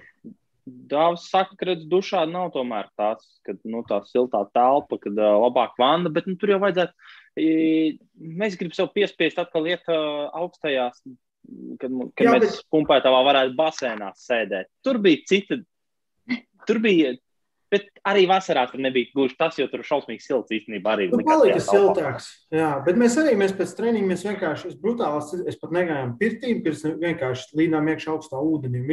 Man liekas, tas tur vairāk te bija. Ja, un, Tev sajūta labi, protams, tu forši jūties vēss, viss, jā, atdziest. Bet uh, es saku, tas viss, ko es lasu pēdējā laikā, nu, tie pēdējie ķermenis neatdod labāku siltumu. Ar turieni nav labākas dzēsēšanas vietas kā plauks, pēdas un seja. Un, -hmm. un, un, un, un tādas, bet um, kas, tur, kas tur bija? Jos, ko tu te teici par? Um, es tikai par, tagad izlēmu atvērt komentārus. Es neredzēju, kur jūs viņus lasat. es atvēru telefonu. Mums te viss ir normāli saspamots, un tu tikai tagad. Es tikai tagad kā, kaut kā domāju, kur jūs redzat tos komentārus, un tad uh, man pielic, ka vajag atvērt, apstrīdēt. Zini, kā, man... ja tu ej dušā, dušā, tu dabūsi to mentālo uzvaru, ja tu palaidi to ūdeni, tad tas Ja, un tu mēģini savākties. Un, man liekas, tas ir tāds, nu, ka tu savācies un. Zini, kā toreiz, tur, toreiz, toreiz es, uh, un kaut kas cits palika mazāks. Uh, ko, uh, bet toreiz mēs ar Janku runājām par, par, par uh, šito arī. Nu, faktiski, jā, mēs arī tur tā ilgi spriedām. Viņš arī tur teica, ka iegāja toreiz jūrā kaut kur. Viens pats bija ar ģimeni aizgājis. Un, un, un, un viņš tā faktiski arī teica, nu, nu, kas man tur īsti bija, kāds man iegūms. Nu, tīri es jā, mentāli piespiedu sev izdarīt. Jā, jā. piespiedu izdarīt to, kas man nepatīk. Jā, tieši tā. Un, un tā arī ir. Nu, tur, tur es tiešām ļoti piekrītu tam drīzāk, ka faktiski jā, tas, tas lielākais iegūms varbūt tieši ir tas. Bet, bet izdar, izkāpt no savas komforta zonas. Vo, vo, lielākajai daļai tas arī būtu vajadzīgi izdarīt. Jo mēs dzīvojam tik mīlīgas dzīves, cik vien var. Ja? Neviens tevi nemēģina reāli novākt. Ja? Tev nav jācīnās par izdzīvošanu. Tev nav visu dienu jāmeklē paika un jācer, ka tevi neatradīs kaut kas. Nav nekas no tā. Un, ja tu neredzi, tad ķermenis, mums ķermenis nav radīts šitādai dzīvē. Viņš nav radīts sēdēt dubajā 40 grādos, ja, un ar air conditioning, un tur nu, chill un dzert uh, kamieļu Mhm. pienu vai ko es tur dzēru. nezinu. Jā, jā, pa, palielies vēl, ka tu esi Dubajā. 24. stāvā es teicu, ja. Jā. Nē, zinu, kā uh, par to komforta zonas izkāpšanu. Tas jau arī ir gan ar to peldu, gan vispār kopumā ar treniņiem. Uh, tas liek tev izkāpt no tās komforta zonas, un, manuprāt, tas arī tiešā veidā attiecas vēl uz kaut kādām citām jomām. Ja tu sajūti to mazo, ka es varu, tas bija grūti, un es pārvarēju, tas palīdz arī citur. Vienkārši tā apziņa, ka tu esi jau kaut ko pārvarējis, kas bija neiespējami grūti, un tu to esi izmainījis. Tas psiholoģiski palīdz arī citās jomās. Tieši tas, ko Raimons arī teica, ka mūsdienās ļoti daudz ir pieraduši pie superkomfortām lietām. Nu, nezinu, labi, mēs baigi neieslīgsim uzturu lietās, varbūt ēšanā, bet tad, kad cilvēkam dod visvienkāršāko padomu, nu, ieplāno no rīta, ko tu ēdīsi vakariņās. Ja tev nav laika vakariņās atnākt un negribas neko gatavot, nu, pagatavo jau iepriekš uzsilt. Jā, bet tas nav ilgtermiņa risinājums. Man tur katru rītu būs jāgatavo vakariņā. Nu, saprāt, cilvēkam, nu, grib pārmaiņas, bet viselementārākos kaut kādus padomus vispār negrib ievērot. Bez maz vai nu grib pārmaiņas, bet neko negrib mainīt. Tad tas ir tāds visās jomās šobrīd. Cilvēkiem tāda tendence bieži vien ir. Un tad, jā, izkāpt no komforta zonas palīdz vienā lietā, kā priekš nākamās lietas izkāpt ārā no komforta zonas. Pastāst, Tā. pastāst, kā, kā ir. Labi, Osis, tev ir labs jautājums. Man ir labi. Es vienkārši gribēju pajautāt, kā, nu, kā tu nokļuvi līdz powerliftingam, kā tādam. Jo, jo, jo, jo. Tā, un tas bija tavs, nu, Jā. diži prāti domā Ā. līdzīgi. Žēl, žēl ka neviens nav diši īsti. Jā, bet, bet uh, powerliftingam, ja tas tāds, nu, tā kā reāli, nu, tā kā vairāk vīrišķīgs. Ja gan tagad gan meitenes nāk iekšā, es gan teikšu, ka powerliftings pilnās trīs kustības ir nevajadzīgs, pietiek ar tos piešiem guļus. Bet uh, par to mēs tagad nerunāsim. Jā, jā Raimons, tiešām guļus. Jā, es domāju, izsmeļu. Nē, zinu, kā, labi, ja mēs tā panelizējam, mans iepriekšējais sports jau nebija nekāds beigas sievišķīgais cīņas sports. Uh, es tagad, principā, tagad ar powerlifting, ja mēs runājam par vizuālo, es iztiešos sievišķīgāk nekā cīņas sportā, jo, ok, man būs bišķi kaut kādas stūznes, labi, tur viņas var apkopt un ko, bet, ja es gāju cīņas sportā, man ļoti bieži bija atklāsts pilnībā dūris un asņēns, un es atceros, man bija tik smieklīgs gadījums vilcienā. Es braucu vilcienā, Uh, kamēr vēl, nu, cik man bija gadi 17, laikam, kaut kādā. Es braucu vilcienā, austiņas, pretī sēž divi vīrieši no rīta, viss vilciens pilns. Un es tā kā sēžu telefonā, redzu, ka kā, viņi rāda kā uz mani un kaut ko savā starpā apspriež. Man ir austiņas. Nu, es izvelku austiņas, jau- jautāju viņiem, nu, jūs kaut ko man gribējāt pateikt. Viņi tad, da nē, mēs tā vienkārši apspriežam, jūs kaut kur trenējaties vai vienkārši uz ielas tā kaujaties. Un pēc tam viss dūrs bija asinīs vienkārši. nu, atklāst. Un, um, ar krevelēm First rule of the fight club, you don't talk Jā. about fight Nu, club. vienkārši bija vēlāk tik smieklīgi, jo kā, nu, tā, kad tu braukā katru rītu ar vienu to pašu vilcienu, tie, tie ir vieni tie paši cilvēki, parasti vienā tie pašā vagonā, ja kā katru reizi, kad viņi man satika vilcienā vai stacijā, viņi man vienmēr te rādīja, tā kā, tā kā vienmēr man te satika. Uh, jā, bet uh, vienkārši fakts kā tāds, ka tad, kad es nodarbojos ar to cīņas sportu, tas vizuāli bija kā pamanāmāk, tieši tā nesievišķīgākā daļa, kā, nekā tagad, nu, labi, tagad es varu pat straigāt ar gariem nagiem. Tobrīd man bija nagiem jābūt, nu, tik tā, tā, ka nekā nav, lai tu nevari ieskāpēt pretiniekam un nenolauzt sev nagus, tur paraujoties tā paša kimono, kas cilvēkiem ir apģērba. Bet, jā, nu, principā man ir visu laiku, gan izvēle dzīve bijis tāds ne tik varbūt obligāti ciešies sports veids, kā svarīgākais. Mm, Tā vienkārši kaut kā nejauši sanāca. Es cīņas sportā vispār ļoti nejauši nonācu. Uh, bet kā es tiku līdz powerliftingam? Uh, nu, pirmām kārtām, tad, kad es gāju prom no karatē, no cīņas sporta, es izlēmu, ka es gribu iet uz zāli trenēties. Uh, Sāku es ar treniņiem mājās, ar mājas džimu, kur es arī tagad izmantoju. Man viņš jau tad bija. Un es uh, biju kautrīgais cilvēks, kas negribēja iet uz zāli, līdz ar to es sākumā trenējos mājās. Tad nonācu līdz džimam, zālē. Un tad kaut kādā brīdī man vienkārši īpaši ņemot vērā, ka es sākumā trenējos mājās ar svariem, baigās uh, opcijas uh, vingrinājumiem, nu, ir vienkārši brīvo svaru. Protams, es taisīju gan vilkli, gan kaut kādos veidos, gan piekpienus, gan guļus spiešanu. Un, uh, man jau tās kustības ļoti iepatikās. Arī vēlāk, jau, kad es gāju uz zāli, man kaut kā nu, ļoti pašai patika likt bāzes kustības un uz spēku koncentrēties. Un tad kaut kādā brīdī es biju nonākusi arī pie jums zālē, Pumpētavā. Tobrīd es arī patestēju savus spēkus armreslingā. Nevisai veiksmīgi. Es atceros, ka es sačos pārsitu degunu, tāpēc, ka man izslīdēja roku un es sev pati pasējies, kad sporta akadēmijā bija saču. Bija arī tāds laiks. Uh, bet jā, un tad uh, vienkārši turpinot pašai trenēties, uh, man patika iekļaut spēku un bāzes kustības kas rezultējas ar to, ka es interesi pēc izlēmu pastīties, kādi Latvijā ir rezultāti sievietēm vienkārši powerliftingā, kā nostartē ar kādiem skaitļiem. Tīri interesi pēc man nebija nekāda izpratne, kas ir daudz vai kas ir maz Latvijā, vispār nekāda. Un es apsties tos skaitļus, salīdzināju ar saviem, un man likās, hmm, nu, es neesmu nemaz arī tik super tālu no viņiem. Tas bija to brīdi tajās kategorijās, ko es skatījos. Es nostartēju, sanāk, uh, 19. gada novembrī Latvijas čempionātā, pati gatavojoties uh, online kaut kādu informāciju un programmas pērkot powerliftingam. Es to startēju, ok, nebija pārāk uh, spīdoši, bija vispār neziņa par pašu sacensību procesu, jo tur arī sanāca, ka cilvēkam no augstskolas, uh, kam bija jābūt pārstāvam, jūs pārstāvēja augstskolas komandu to brīdi, kuram vajadzēja man palīdzēt sačos, kur man jāiet, kas man ir jādara. Viņš neatbrauca tajā rītā, viņam saslima. un es paliku viena pati, nezinot, kas ir jādara un kur man ir jāiet. Man bija līdzi par laimi tētis, viņš man diezgan spēcīgs cilvēks ir. Viņš man palīdzēja iesildoties, mainot svarus un tā tālāk, arī staigāja apkārt ar manu inventāru. Man bija ļoti jauki arī no tēta puses. Man arī mamma bija līdzi, visa ģimene bija atbraukuši mani atbalstīt, kas arī man ir paticis visos sporta veidos, ka viņi atbalsta manas izvēles, lai arī teicu, ne visai vienmēr patīk, ka izvēlos cīņas sportu vai kaut ko tādu, bet viņš saka, labi. Ne visai man patīk, bet tad, ja tu to gribi, es tevi atbalstīšu. Uh, jā, un tad uh, pēc tiem pirmiem sačiem es tā domāju, ko darīt. Es jau gribēju sakomunicēt Oskaru, bet kaut kā toreiz vēl sakautrējos pajautāt. Un tad bija no, februārī Madonā. Madonā sacensības, un tad Raimons pienāca pie manis klāt, un viņš man teica, Cilon, ko tu kā āksties, tu kā pajautā Oskaram. Es to toreiz ieminēju, ka es tā kā nezinu, ka man ir bišķi tā kā kauns un kautrējos pajautāt, un ko. Un tad, kā, un tad Raimons tas, tā kā, Ilon, čil, nomierinies. un kopš tā es arī man... runāju ar Oskaru. Man arī būtu kauns no sevis, ja es sev redzētu no malas. um, tev, un, uh, tev ir kauns.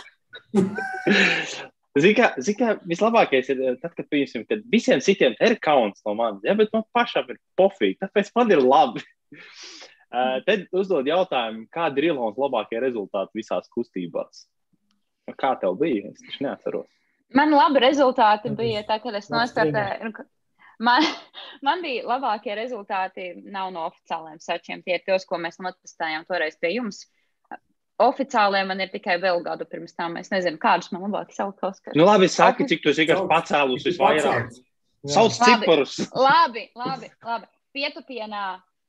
Es tam citu tagad mājā testēju, pietupienā 115 bija, kas ir jauns rekords mājās. Uztaisīsim 15, un tur bija pat neliela rezervīta. Vienkārši mājās es neriskēju vairāk taisīt, maz arī. Um, tad uh, Benchpressā es tagad uzspiedu beigās mājās arī 75. Toreiz arī zālē man bija 72,5. Mēs paņēmām 77,5 un es tos nofēloju, bet mājās es 75 uzcēlu. Arī ar tādu stāstu, ko tu fēloji, stāstu, ko tu cēli. labi, labi, un vilk mēs 140. Tātad 115, 75, 140. Svaru kategorija līdz 63. Tā, sapratāt, tur čatā, kas to prasīja. Jā, jā tad. Tas jau vairāk. Simt, simt. Šeit jau kādu var pacelt. Kurā kustībā? jā, reklama jātā, cik, jā, jā, tas pats jautājums maksimums spiešanā, nu jā, 75. Mm. Tas ir virs manas svara ķermeņa arī. Es nezinu, man, manuprāt, man guļus spiešana mana labākā kustība, no es tā to jūtu. Vismaz pret jā. Latvijas rezultātiem, kas eh, meitenēm Latvijā ir uz spiešanā manā kategorijā. Jā, jo tavs tiltiņš ir tāds, kurā es varu iziet cauri. Faktiski. Es, fakt, ja es varu izlīst cauri starp pilonu, muguru un soli, tas ir diezgan Jā. iespaidīgs tiltiņš. Es par to tiltiņu runāju, man ir bijusi tieši gadījumi zālē, vai fitnesā arī pazīstams treneris. Tā kā uztaisu, un viņš tā kā noliec, viņš tāds, es varētu tur izrāpot cauri. jā, jā. Kā, Nē, Sandri, nevis tev gandrīz ieliek, bet noteikti, ka ieliek tev vilkmē. Sandra saka, ka tu viņam tikai gandrīz ieliec vilkmē. Es neticu, es neesmu redzējis, ka Sandrs var pacelt 140 kg. Tā, cik es svaru, man šobrīd svars ir 63 un 8, apmēram tā līdz 64 tajā robežā man svars. Kas jūs nezinājāt, ka nepieklājīgi jautāt sievietei svārdu? Varbūt pajautājiet to vecumu. Nē, bet to pat es, es klusēšu. Es, es piedzīvoju savu mazo krīzi šogad. Man nekad nelikās, ka vecums ir svarīgs. Tev, prasa, Nekad. tev, tev, tev neprasa vairs dokumentus, jā? Arī es tieši. Es gribēju nopirkt enerģiju. Nekāda tā problēma nav bijusi. Es gribēju nopirkt enerģijas dzērienu, un es tā pajautāju, tā kā man parādīja dokumentus, un uz mani paskatās. Nē, nevajadzēs. Man neļāva, man, man neļāva nopirkt datorspēli savam bračkam. Tāpēc, ka Ok. dators, datorspēles, kurās cīņa tas bija UFC 3 vai 4, jā, jā. viņu var pirkt tikai no 16 gadu vecuma. Un tas bija pagājušajā gadā. Oh. Labi, tu pārspēj. mani. Absolūtais čempions. jā. Bet, zini, kas ir, nepārdodu. zini, kas ir ļoti interesanti, arī, nu, labi, tas bija pāris gadi atpakaļ, bet man kā kurā vietā, citreiz man pajautā dokumentus, un citreiz nē. Uh, man tieši bija nesen gadījums, ka mēs ar draugu bijām uh, arī kaut ko mēs pirkām, ko es pirku, enerģijas dzērienu arī pirku tajā gadījumā. Un es gribēju maksāt, un es sapratu, ka man nav maksas, un es maksāšu telefonu, līdz tam man nav dokumentu. Un es teicu, nu, tā kā, lai viņš parāda savējos pārdevēju pie tā pašapkalpošanās kases. Un viņi teica, ka, ja es maksāju ar savu telefonu vai pulksteni, Tā nevar. Jā. tad es nevaru. Un man bija tāds, labi, stāvi, tad tā kā maksā, tu tā kā es draugam iedevu, lai viņš samaksā. Bet kas ir interesanti, cik man bija tobrīd gadi, manam brālim vēl bija 17, un uh, es, man bija 22. Man nepārdeva enerģijas dzērienu, bet viņam pārdeva manā klātbūtnē. Manam brālim ir 17. nu, tā kā tajā brīdī bija. Un, uh, tas arī ir bijis tā, ka man ir kā kurai pārdevēja. Viņi citreiz vērtē mani pēc mana auguma, citreiz varbūt vienkārši slikti izskatos, un viņiem liekas, ka es esmu ļoti vecs. Bet, jā, runājot par vecuma krīzi, kur es piedzīvoju, uh, man uh, nesen palika 25, un man liekas, ka ah, kāda atšķirība tam skaitam 25. zini Kā, tas pilnībā vienalga. Bet tad, kad es sapratu, ka, ka Covid sākās, man bija 23, tad gan es sagruzījos. Un Man liekas, ak, Dievs, ir divi gadi gan arī pagājuši. Man tu, tu, jā.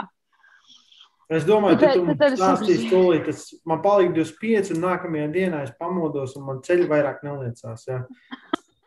Pēc 30, pēc 30 jūs visi staigāsiet, tā kā es muguru visiem būs lupatājs garantēju. Tas tā kā, kā, kā bija tricās. Viss, viss, viss beidzies. Tu, tu, tu, mēs secinājām, kā viņam nesūdzos. 31. Kā 31, tā viņam tur viens pēc otras problēmas sāk likt laukā. Nu, tā arī bija. Jā. Tā arī bija. Tā, te jautā, kāda ir atšķirība trenējot vīrieti un sievieti? Es nezinu, kuram tieši vīrietis, un otrs ir sieviete. Uh, es nezinu, kuram tas jautājums varbūt vairāk, vai tas ir tieši Ilonai kā tā, bet, bet tev, pieņemsim, daudz sanāk. Vīrieši, sievietes, tu trenē vairāk. Tev, man liekas, vairāk Man pamatā viss klients ir sievietes. Man tāds apņēmīgais klients vīrietis šobrīd ir viens. Nu, un tad, protams, ir kaut kāda ģimenes pazīstamie cilvēki, kuriem arī, nu, tur, piemēram, iepriekš brāli. Viņš šobrīd ir ieslīdis slinkošanas posmā, bet iepriekš arī brāli. Pamatā es trenēju sievietes. Tā treniņa atšķirība varbūt būs uh, pa lielam kustības ziņā. Ja viņi nāk vienkārši priekš sevis veselības ziņā, viņiem tāpat tās ir jāapgūst visas pamatkustības nostiprinot ķermeni, gan kaut kādas vilkšanas, gan kaut kādas spiešanas kustības ir jāapgūst. Mugurai visādi vingrinājumi ir jāveic. Bet uh, es teiktu, ka lielākā atšķirība varbūt ir tas, ka vienkārši sievietes daudzas kā klients arī prasa vēl kaut ko vairāk apakšdaļai, tieši sēžai un tā negribīgā grib augšu. Un, protams, vīriešam akli ir otrādāk, un tad uh, varbūt tāds sadalījums, uz ko vairāk koncentrējas, atšķirsies. Bet, uh, Nu jā, varbūt arī komunikācijas ziņā lielākajā daļā gadījumā sievietes vajag bišķi pierunāt, kaut ko vairāk izdarīt. Nu, tas arī kā kuram klientam, vīrieši tā vairāk, kā labi, darām, viss fine. Tad ma mazāk emocionālais ir uh, aizmugurē, jā. jā. Bet uh, tā, tā kaut kā, bet Kādu pārdzīvoju, ko pastāst? Nu, vēl jau nekas nav beidzies par, par lielam, jā, bet viss kā, kā tev bija? Kā tev bija? Es redzēju, tu daudz, Ah. ļoti daudz online treniņu, Zoomā vadīji. un Jā, jā. Nē, protams, kā, ir klienti, kas atkrita, un ir cilvēki, kas to Zoom un uh, online treniņus negrib. Tīpaši tie ir vecāki gadu gājumi cilvēki, kur nu, vienkārši pret tehnoloģijām nekā. Uh, ir tādi klienti, protams, bija arī klientu atbīrums diezgan ievērojams, bet uh, bija arī cilvēki, kas izmantoja un turējās šajā laikā, trenējoties Zoomā. Uh, principā šajā brīdī visu šo laiku līdz šim mēnesim es esmu strādājusi gan vienkārši kā online trenēšana, tas nozīmē, ka tu strādā cilvēkiem plānus, programmas, viņi pilda, viņi tev sūta atpakaļ atgriezenisko saiti, un jūs vienkārši kopā veicat to treniņu procesu priekšu. Un tad daļa, jā, man bija Zoom treniņi, tādus arī es organizēju. Nu, tur atkal es cilvēkam lieku kaut ko darīt, viņš dara, es redzu, un es varu uzreiz uz vietas labot viņiem kustības. Dados divos formātos, un šobrīd ir sāks treniņus vadīt ārā. Šis pirmais, jā, tieši tagad būs mēnesis, kas jau treniņus sāks vadīt ārā. Nu, teiksim tā, protams, ja mēs tā runājam no profesionālā, man kā trenerei gan ienākumu līmenis, gan klientu apjoms krita. Krita tīpaši šim laikam, kad viss sāka pasniegt online, jaunus klientus bija grūti dabūt, tīpaši, jo draudz treneri nu, kā, nezinu, sit cenu uz leju uz super zemu. Ir bijuši cilvēki, kas tur parādot, nezinu, mēnesis ar treniņiem, tur, nezinu, tur pa piecīti, tur, nu, šādi. Līdz ar to mm. Bija ļoti piesātināts tas online treniņu formāts, un tas ir pašsaprotami, jā. Plus uh, arī tie cilvēki, kas iepriekš trenējās online, kaut kādā brīdī daudzi atbira. Uh, protams, katram ir savi iemesli, bet uh, daudziem bija vienkārši iemesls, ka sākas besis no sēdēšanas mājās, trenēšanās mājās, Un man bija vairāk klientu, kuriem sākās tieši emocionāls problēmas uh, ar emocionālo veselību, psiholoģisko, garīgo veselību, ka bija jāmeklē nu, jau citu speciālistu palīdzību. Tur, tur trenerim vairs tur vairs nav laika iekļauties, jo bija cilvēki, kuriem šis mājās sēdēšana, strādāt mājās, un ja varbūt dzīvo vēl nu, vienas dzīvoklī visu laiku, bija, bija smags tas posms daudziem. Un, jā, man kā trenerei bija kritums klientu apjomā. Tagad, kad atkal sāks kaut ko, ko es piedāvāju ārā, tagad jau pamazām vēl lielāka interese cilvēkiem ir, ka viņi grib iet ārā trenēties. Jā, bet, uh, nu, pasmagi, pasmagi. Man jau arī, um, es pieļauju, ka Oskaram arī vairāk jau ir specifiskāk, ka viņš tieši powerliftingam gatavoja klientus, bet uh, arī man, starp maniem klientiem bija tieši tās sievietes, kas gribēja strādāt uz bāzes, kaut kādām spēka kustībām. Viņām tas patika, viņām tur nepatīk ar gumijām palēkāt. Un tad uh, bija arī tas, ka viņām vienkārši likās, nu, ka tieši treniņi vairs nesagādāja tādu prieku un bez maz vai nedarīs neko. Bija tāds cilvēks, ir atbira no tāda. Teiksim, tā iemesla. Jā, tur tā lieta, ka faktiski tu bieži vien, ka, nu, tas, tas treniņš ar to stienu, tagad jau pēkšņi gumijām, ja, ka tev ir, ja tu, piemēram, būtu nedarījis neko, un tu būtu uzkāpis uz augšu, ja, piemēram, sāc ne, no nekā nedarīšanas ar uh, gumijām strādājis, jā, tad būtu citādāk. Bet, bet, bet, bet uh, tagad sanāk daudziem tas solis atpakaļ, un to ir grūti tagad piespiest darīt kaut ko mazāk, vājāk, sliktāk, nu nekā tev bija. Jā. Es to ļoti labi. Es tiešām saprotu tos klientus, kuriem nu, bija kaut kādā brīdī bez emocionāla un tā. Es nezinu, kā man būtu bijis. Es tajā brīdī visu laiku es domāju, ja man tagad e, nebūtu mājās inventāra, man būtu jātrenēs ar tām gumijām. Es, es arī nezinu, nemācētu pateikt, cik ilgi es izturētu, jo man pat bija trenējoties mājās ar visiem svariem inventāru. Tāpat tās nāca besis un negribējās trenēties mājās. Um, vienkārši tā vide, tikai šajā principā, nu, ir īpaši tas uh, džimiņš man tā kā bija dzīvoklī. Nu, ir besis būt visu laiku vienā vietā, turpat trenēties, turpat vadīt tos strādāt treniņus, vadīt arī klientiem. Ir milzīgs besis, un līdz ar to es pie sevis bieži vien tā filozofēju, kā būtu, ja man nemaz nebūtu tā inventāra, cik ilgi es būtu super apņēmīgs cilvēks. Es domāju, ka man arī būtu grūti noturēt tādu treniņu apņēmību. Tā jā. Te prasīja par to tiltiņu, it kā arī. Vai nav par to lielo tiltiņu? Jā, tas tā ātra atbilde. Uh, ja, tev, ja tev lokanība neļauj, tu nemaz nevari tādu tik lielu tiltiņu uztaisīt. Ja? Tu, tu, tu nekad neizdarīsi vairāk nekā tavs ķermenis ļauj. Tas ir viens un otrs uh, nesanāk tieši lauciens. Tev sanāk smagums ir virs krūtīm, to nekad jā, nebūs smagums, jā. kas iet uz leju. būs, ja stieņas sāks iet uz leju. Tad var, mm -hmm. tad var. Ja dimensijas atceras tiltiņa laikā nekā drošāka mm -hmm. nav. Mm -hmm. Jā, bet uh, nu, par to tiltiņu arī tas, ko tu minēji par rokanību.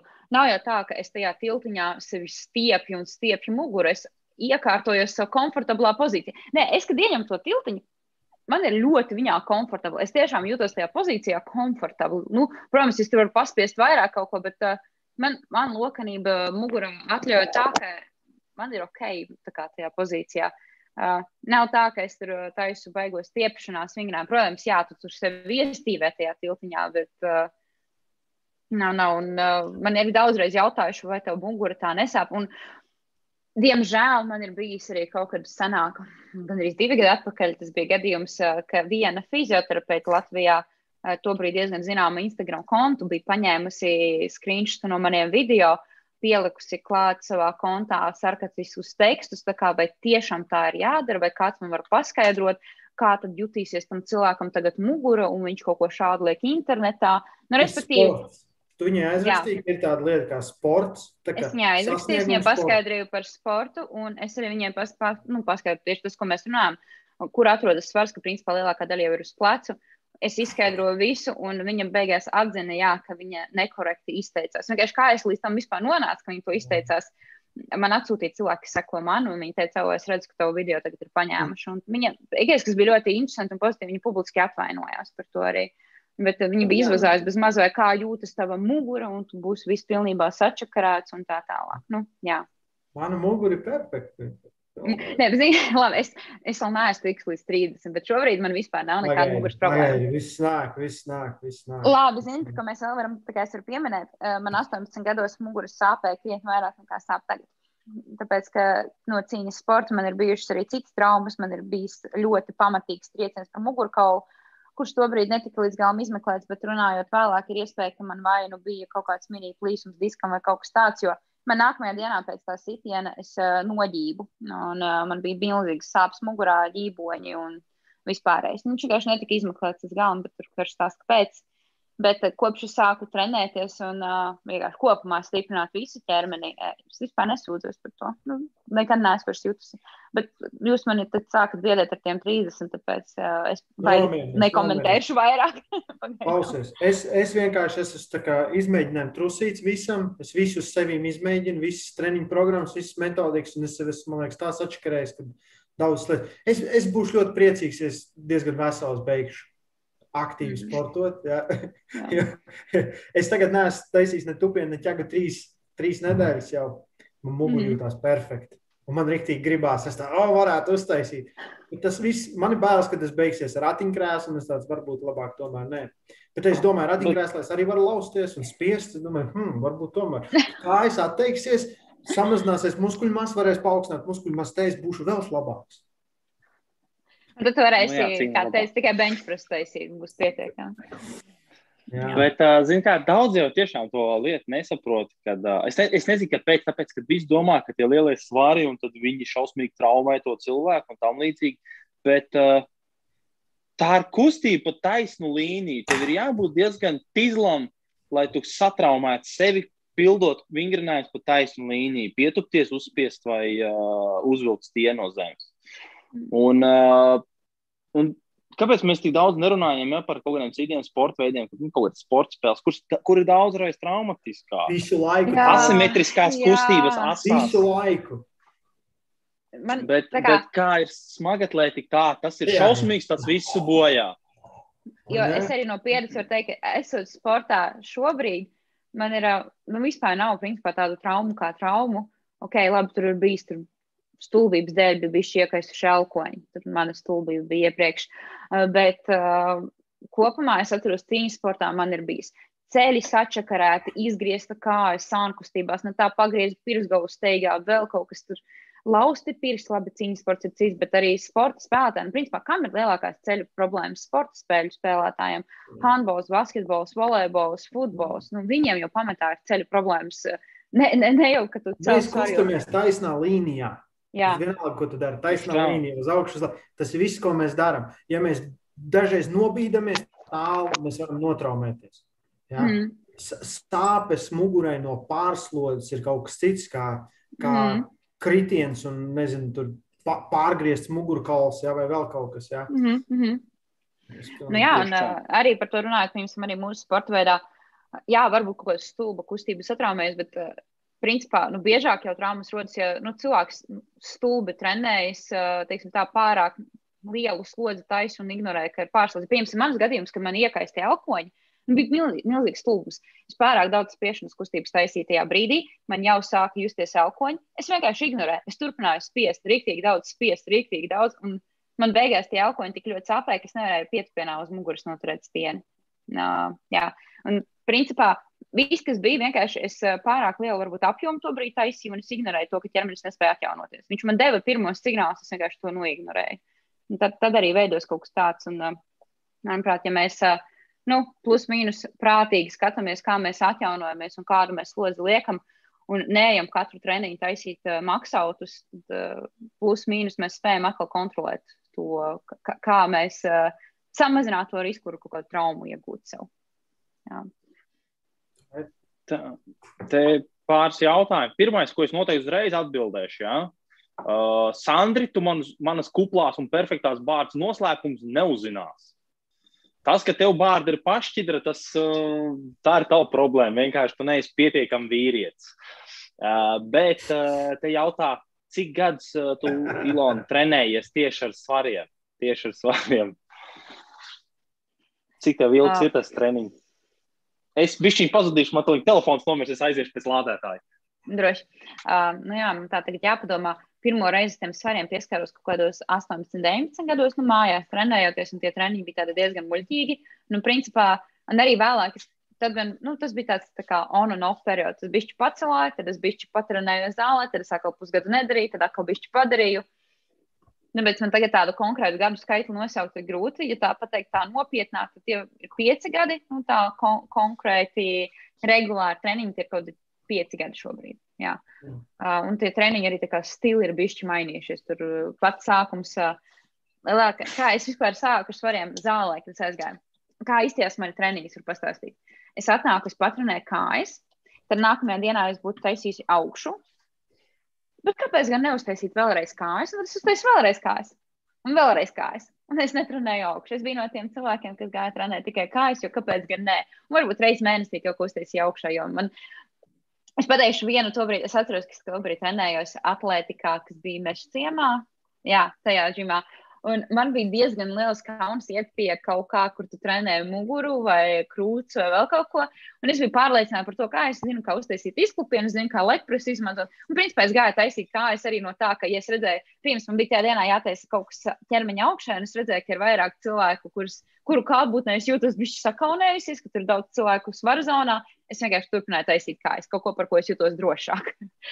Tas man ietekmē. Tad, uh, Tālāk, ja es atgriezos un trenējos ļoti izskatām, jo kas ir um, izteikti sievietēm, nezinu, kā ar vīriešiem, bet uh, sievietes, kad sāk trenēties, tad, uh, tad, kad tu tā sāc regulārāk trenēties un kaut kādu regu, rezultātu redzēt, uh, pirmais, uz ko tev viss sāk vilkt, ir saka, jā, ej, nostartē fitness bikīni, ej uz fitness bikīni, un man bija tāds, jā, es gatavošos fitness bikīni sačiem. Man jau tur viena meitene iedeva savu peltu kostīmu, parādīt, lai es piemēru pamēģinu. Es biju diezgan īstenībā noskaņot, ka es to darīšu. Uh, es, es nebiju tā kā, nu, man vienkārši likās, ok, devai, lai ir. Es nenostartēju fitnes bikīni, jo man jau pietika ar to, ka tā, kad es uh, vairāk sāku trenēties, varbūt tās zināšanas arī bišķi pietrūka tajā visā. Es sāku palikt sausāka, un uh, man sāka ļoti negatīvi ietekmēt manu menstruālo ciklu. Man ir tobrīd bija tā kā tiešām tajā ciklā viss bija super forši un regulāri, un to pēkšņi kavē 20 dienas, kas nekad iepriekš man nebija raksturīgs, un, un man palika bail. Es izlēmu, ka es vairs negribu. un tad es to ideju arī atmetu, un tad vienkārši trenējos savam priekam un nonācu līdz uh, powerliftingam. Jā. Jā, es to, es to fitnes bikīni, es to es nekad nesapratīšu. Es domāju, nu tā kā, nu viens ir tā, ka tu nomet un tu sagatavojies izskaties labi, bet tu izskatīsies labi tikai uz to vienu dienu, vai tu visu laiku gribi izskatīties labi, vai tu gribi justies labi. Jo, ja tu Jā. izskatīsies labi, tu nekad nejutīsies labi. Jā, tu tur jutīsies. Kā, un tās visas problēmas, kas nāk, un, un, un, man tā nepatīk, ka cilvēki nekad neizskaidro. Viņi nesāk ar to klausies. Tas pamatīgs diēts būs, ja menstruālais cikls pazudīs, ja jutīsies šitā, sūdīgi gulēsi. Zemes libido, tur vispārējais. Viss, viss, komplekts negatīvā. Imunitāte vāja. Plus tās diētas, gan jau, ko tev ieteica sākumā, bija super zemu augstsatura, kas visu nosit, visu. Tā, visu hormonālo vēl mm -hmm. zemāk. Jā. Nezinu. Ja mēs par šo runājam, sasaistot ar iepriekš stāstīto, kāpēc nepabeidzu mācības un saslimu plaušu karsonu, tas arī bija posms, kad es biju palikusi vienā no saviem zemākajiem svariem. Tobrīd es svēru pie 56. Un, uh, tas arī bija posms, kad es arī saslimu ar to smago plaušu karsonu. Tur viss, saga... nu, man, teiksim tā, es tos mēnešus savā dzīvē redzu kā tādu ļoti nesmuku, netīru posmu. jo tas bija tā, ka es jutos jau briesmīgi, tika ietekmēts mans uh, menstruālais cikls, un es vēl saslimu ar plaušu karsonu pēc tam uzreiz. Tas viss tā kā aizgāja tādā vienā ritenī. Un man neviens to brīdi nepastāstīja, ka, jā, ka viss var būt tik slikti un ka es varu. Ne, nu, Es nezinu, citas sievietes varbūt tā kā kuras sieviete, bet es pieņemsim pret savu, teiksim, tā reproduktīvo sistēmu un veselību un hormonālo sistēmu. Gribu attiekties tā ļoti saudzīgi, uzmanīgi un neliekot tādu tiešām lielu stresu. Un, pieņemsim, man vienmēr ir bijis tā, ka, ja man kaut kas nojūg metrolē ciklā, ka es zinu, ka kaut kas nav kārtībā. Un tobrīd tas bija tāds liels, tā kā, ka, tā kā vienkārši 20 dienas, ne no kā vienkārši pazūd. Un, jā, tas, tas bija ļoti netipiski man. Nu, un, uh, tas bija man tāds, tobrīd arī tā kā parādīja, ka kaut kas nav ok visā tajā, kas notika. Jā, un uh, šobrīd arī ir cilvēki, kuri ļoti maziņš procents cilvēku, kuri startē fitnesa bikīnī, sievietes, uh, vēlāk no tā iziet ārā un ikdienā nav ar uh, kaut kādām mentālām nezinu, problēmām pret savu izskatu, ar ēšanas traucējumiem. Tas ir ļoti maziņš procents. Ir daži cilvēki, kuriem tas tā forši izdodas, bet lielākajai daļai vēlāk ir ēšanas traucējumi. Uh, es nezinu, kā, kā aiziet, pateikt. Bet... Aiziet pretēji, tu aiziet no saviem 50 kg uz skatuves jau uz 70 kg pēc diviem mēnešiem. Tas ir dzirdēts, kā atkal un atkal, un tu dzirdi no cilvēkiem, tad viss ar tām diētām, viss tā hormonālais, viss pārējais. Es nesaprotu, un, un, un galvā tev liekas, es tagad uzsēdīšos uz diētas un būšu bikini meitene. Es būšu pretēji, būs labi, būs laimīgi, būs super, izskatīšos super, smukas bildes un es jutīšos labi. Un viss ir absolūti pretējais. Ja? Mm, mm. Cilvēki, un, un tas arī tāda, nu, mums jau tā ir tā, ka mēs visi ienīstam, kā mēs izskatāmies, ja? un tad mēs ienīstam vēl vairāk sevi. Ja? Mm, mm, mm. No. Bet, jā, jā, tāpēc, līdz ar to. Tāpēc Nāciet uz powerlifting, te viss ir. Nāciet uz pumpā, tev trenēties, jā? jā. Mēs visus akceptējam. Jā, jā. jā. Tā, mums, hey. mums ir stunda 20 iekšā jau, man liekas, mums vajadzētu šodien oh. beigt. Mums šodien jā. jābeidz. Jā. Bet jā. es domāju, kaut jā. kad uh, vēl tā, pirms mēs beidzam. Um, nākamā nedēļa, otrdien, pie mums Sandris Šedis. Sandrs to nezina, es... bet viņš ir čatā. Viņš ir čatā, viņš to drīz dzirdēs. Sandrs šeit, viņš tikpat trenē arī cilvēkus, jau treneris. Bet, um, bet uh, galvenais, lai viņš ir tikpat runātīs, kā šobrīd uh, čatā. Tas jā. mums ir svarīgākais. Bet uh, vēl, vēl, vēl ir shameless plug. Tātad uh, 28. maijā, 8. pulksten 8. Pēc, pēc Latvijas laika pay-per-view match, King of the Table pasākums, uh, trīs cīņas galvenais Devons un Maikls par, par, uh, par milzīgu naudu. Lerijs Vils un Skulbojas un Raimons Liepiņš pret uh, Mazihiru Saidu, kas ir vietējais UAE čempions, ja, apvienot Arābu Emirātu. Trīs supercīņas links, ja kāds grib nopirkt, savācās bariņā. Es jau dzirdēju, ka vairāk savāksies un skatīsies. Un vēl vēl viena lieta, ja kāds grib, ir iespēja uzlikt arī naudu uz šīm cīņām un, un varbūt kaut ko vinnēt. Ja nu gadījumā man sanāk vinnēt, ja Stake mums ir totalizators, mēs tagad propagandējam. Ja? Uh, ah, nē, tas, tas, tas nav totalizators. Tur bija savādāk. Tur cilvēki der. Tas ir derības saits. Ja? Un ļoti interesanti izdomāts. Nākamais tur ir iekšā. Uh, es būšu priecīgs par jebkuru, kas pieslēgsies atbalstīt. Es esmu priecīgs, ka es izdzīvoju te gandrīz jau sešas nedēļas. Un, esmu nonācis pie kulminācijas visā un nevaru sagaidīt. Un katra diena nāk tuvāk, jūtos labi, izdarīšu visu, lai uzvarētu. Un, uh, to pašu sagaidu arī no Lerijas un uh, pārējiem. Jā, nāk, nākošais otrdien būs noteikti vismaz. Būs vēl viena tēma, tāpēc būtu ļoti labi, ka mums būs Sandrs, vēl viens ārmeslīgi eksperts. Lai Sandrs skatās šīs cīņas, es prasīšu viņa analīzi par šīm cīņām, lai viņš pastāstītu visu, ko detalizētāk. Un, uh, jā, būs interesanti paklausīties, kā tev būs tur gājis. Un paldies noteikti Ilonai. Bija paldies, interesanti pa, pa, pa, paklausīties. Jā, un, un, un, Kaut kad vēl, tev, kaut kad vēl savu, jā, jā var, var, jū, var just, ka uh, tev ir vēl ko stāstīt noteikti un uh, runāt grib, aizvērt muti nevar. Uh, tas ir, uh, bija ļoti labi, ka tu daudz runāji. jā, no. Tā kā, no. jā, paldies, paldies tev tiekamies tad nākamā nedēļa, nākošais nedēļa, otrdien, deviņos, cerams, ar Sandru Šedu. Jā, paldies jums arī par sarunu. Paldies tiem, kas pieslēdzas un uh, uzdod jautājumus beidzot. Jā. Jā.